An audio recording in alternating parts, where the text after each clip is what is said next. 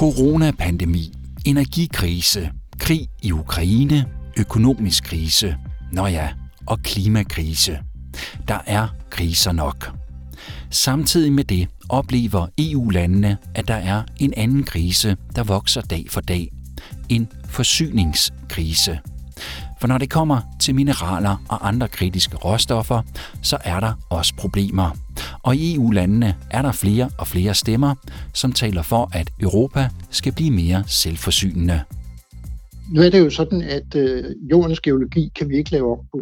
Så der er øh, den, en given fordeling, og den er ikke ligelig fordelt i forhold til de enkelte landes behov.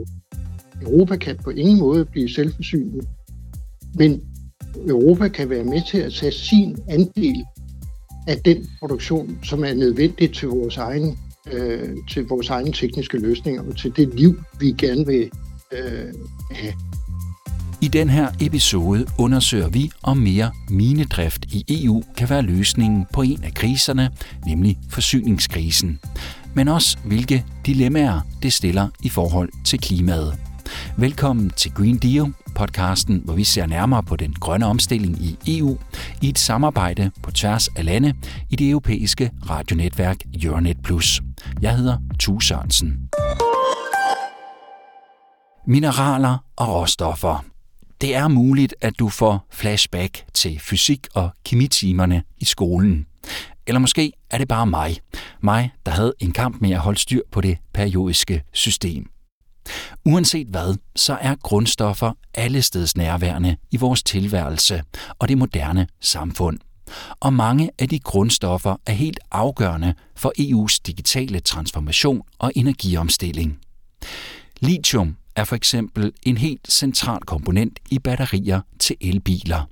Og inden 2024 skal vi i EU øge vores forsyninger af lithium med 40 gange det nuværende niveau og det samme gælder for mange andre råmetaller.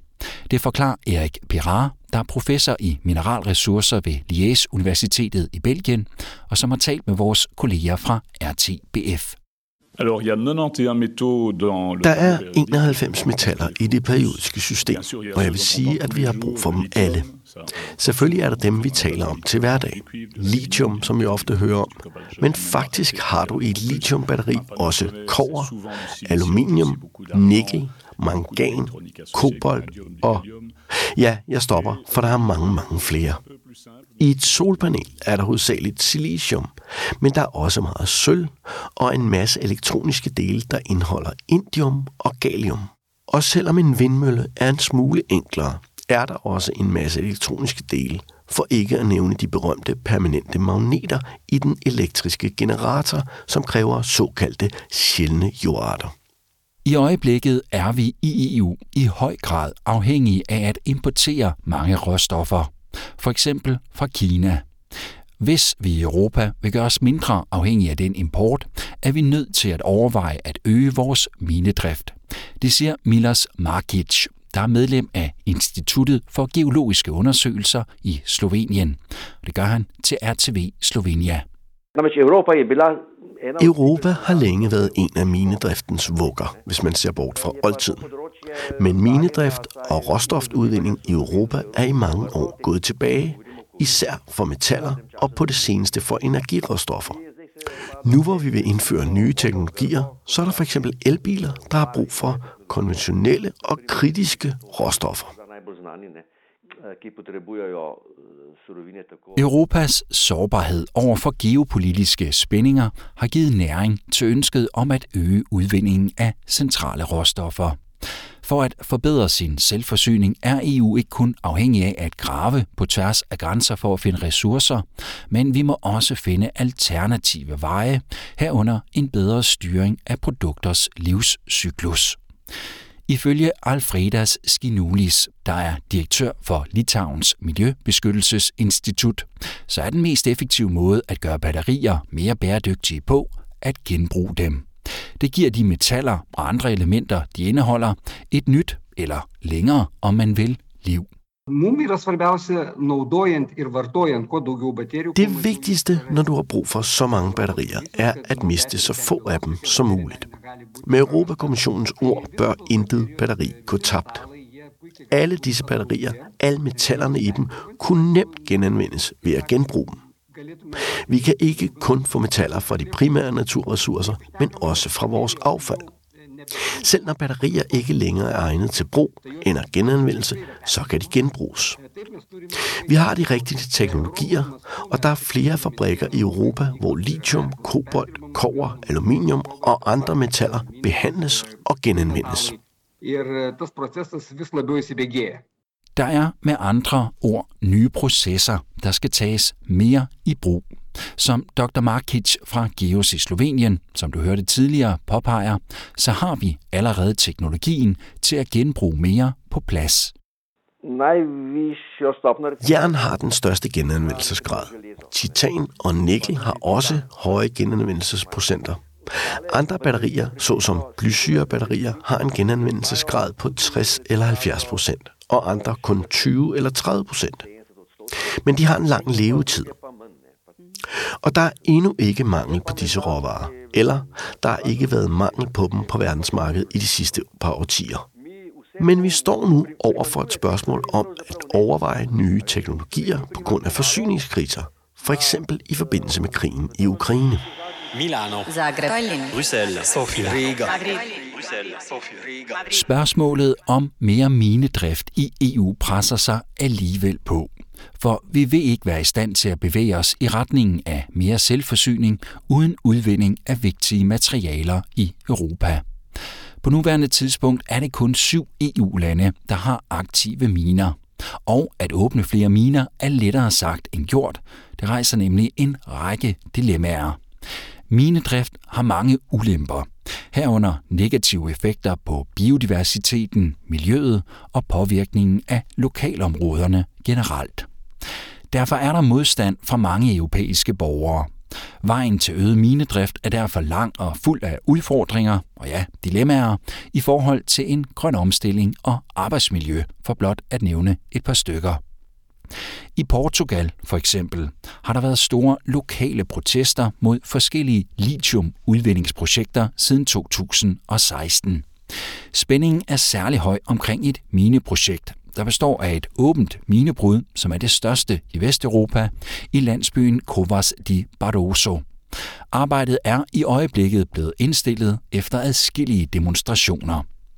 Nuno Forner fra Miljøforeningen Zero siger til vores kolleger på Radio Renascença i Portugal, at der ikke er tvingende argumenter nok til at retfærdiggøre virkningen af en ny mine. Vi kan ikke betragte dette som et mindre onde. Vi er nødt til seriøst at vurdere påvirkningerne, og hvordan vi kan minimere dem, og hvordan der kan kompenseres. Og hvis vi i sidste ende kommer til den konklusion, at vi ikke kan udvinde bæredygtigt og med lav indvirkning, ja, så bliver vi nødt til at opgive disse områder. Vi kan ikke bare basere os på princippet om, at jeg kan og jeg vil, og derfor gør jeg. Nej, vi er nødt til at tænke mere omhyggeligt, og befolkningen i de her territorier skal høres, og deres bekymringer tages i betragtning. En af de lokale beboere er Nelson Gomez, som også har deltaget i protesterne mod minen. Han mener, at lokalsamfundets bekymringer er blevet ignoreret.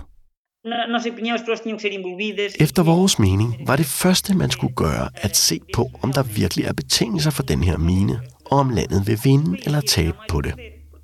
Man skal være klar over, at 60% af Portugals biodiversitet findes i det her område. Og det er vigtigt, at man ser på, om der virkelig er betingelser for denne mine, og om landet vil vinde eller tabe på det. En stor del af det vand, der forbruges i landet, kommer fra vores region, Barroso. Og derfor er vi nødt til at tænke over, hvilke ressourcer, der er vigtigere.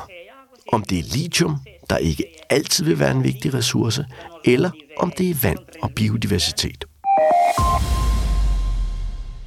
Minedrift er altså hverken uden omkostninger eller protester.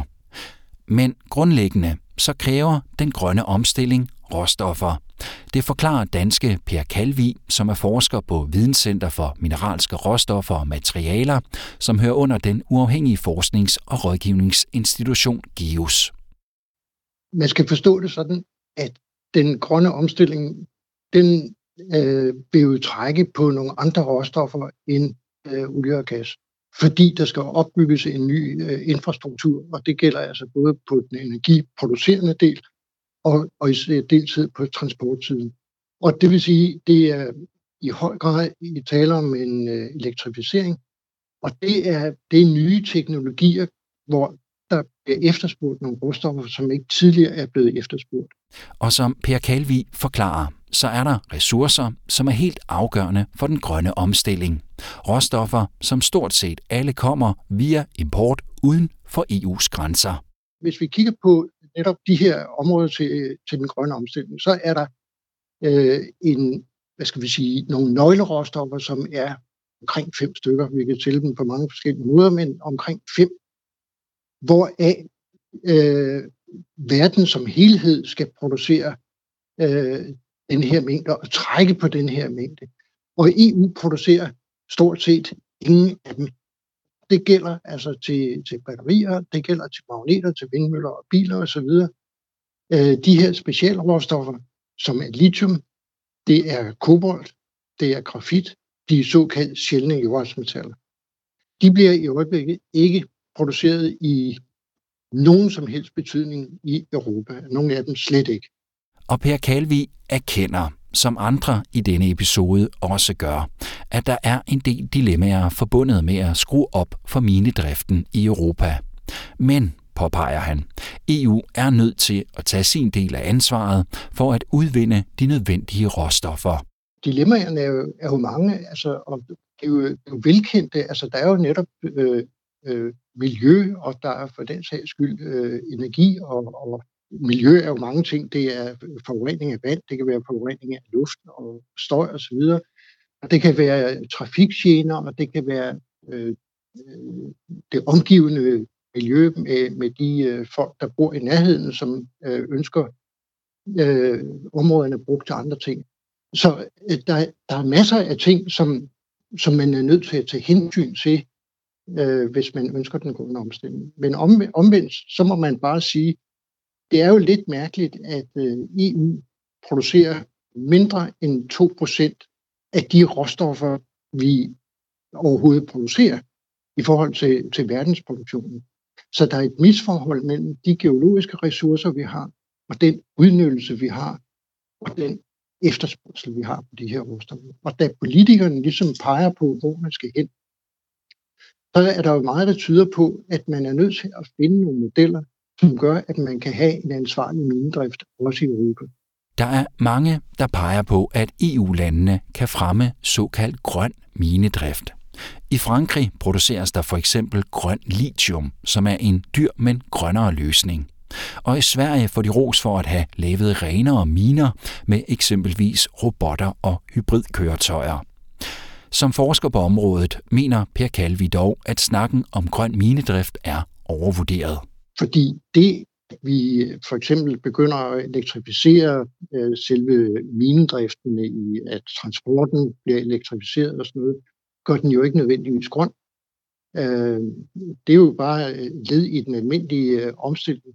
Så man kan, ikke, man kan ikke snakke om en egentlig grøn minedrift, men man kan opstille en række kriterier, som man synes, det her det er fornuftige vilkår, hvor man ligesom kan sige, at øh, vi vil godt acceptere det, fordi vi ved, at vi skal bruge de her råstoffer.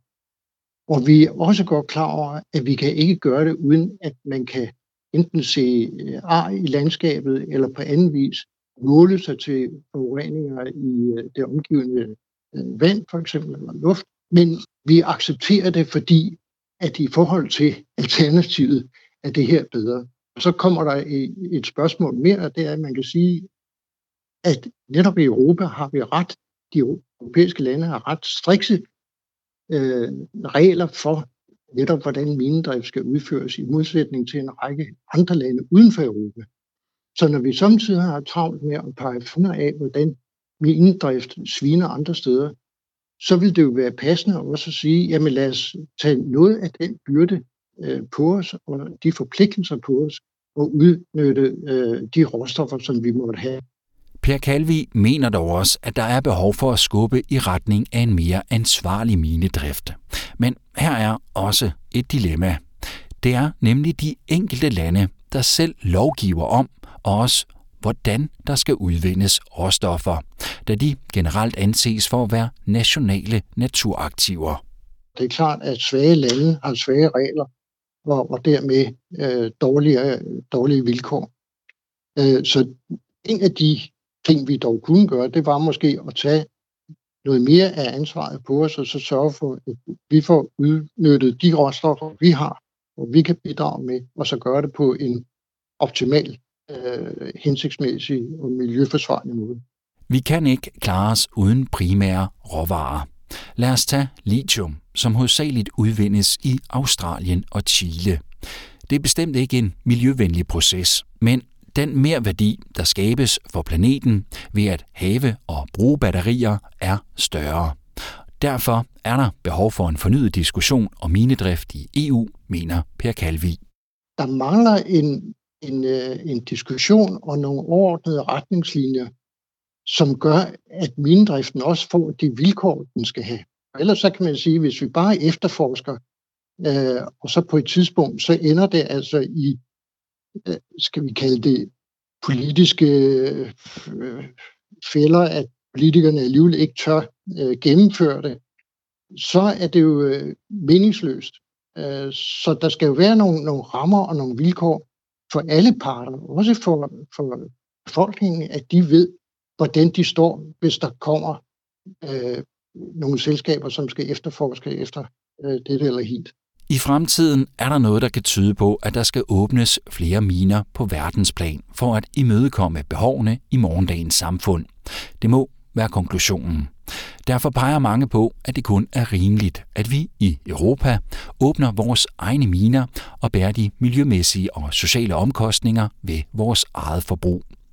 Til gengæld skal EU-institutionerne og medlemslandene leve op til udfordringen og regulere på en sådan måde, at omkostningerne for miljø, sundhed og de sociale omstændigheder minimeres. Uanset hvad, så vil der være en pris at betale for at skaffe råstoffer til den grønne omstilling.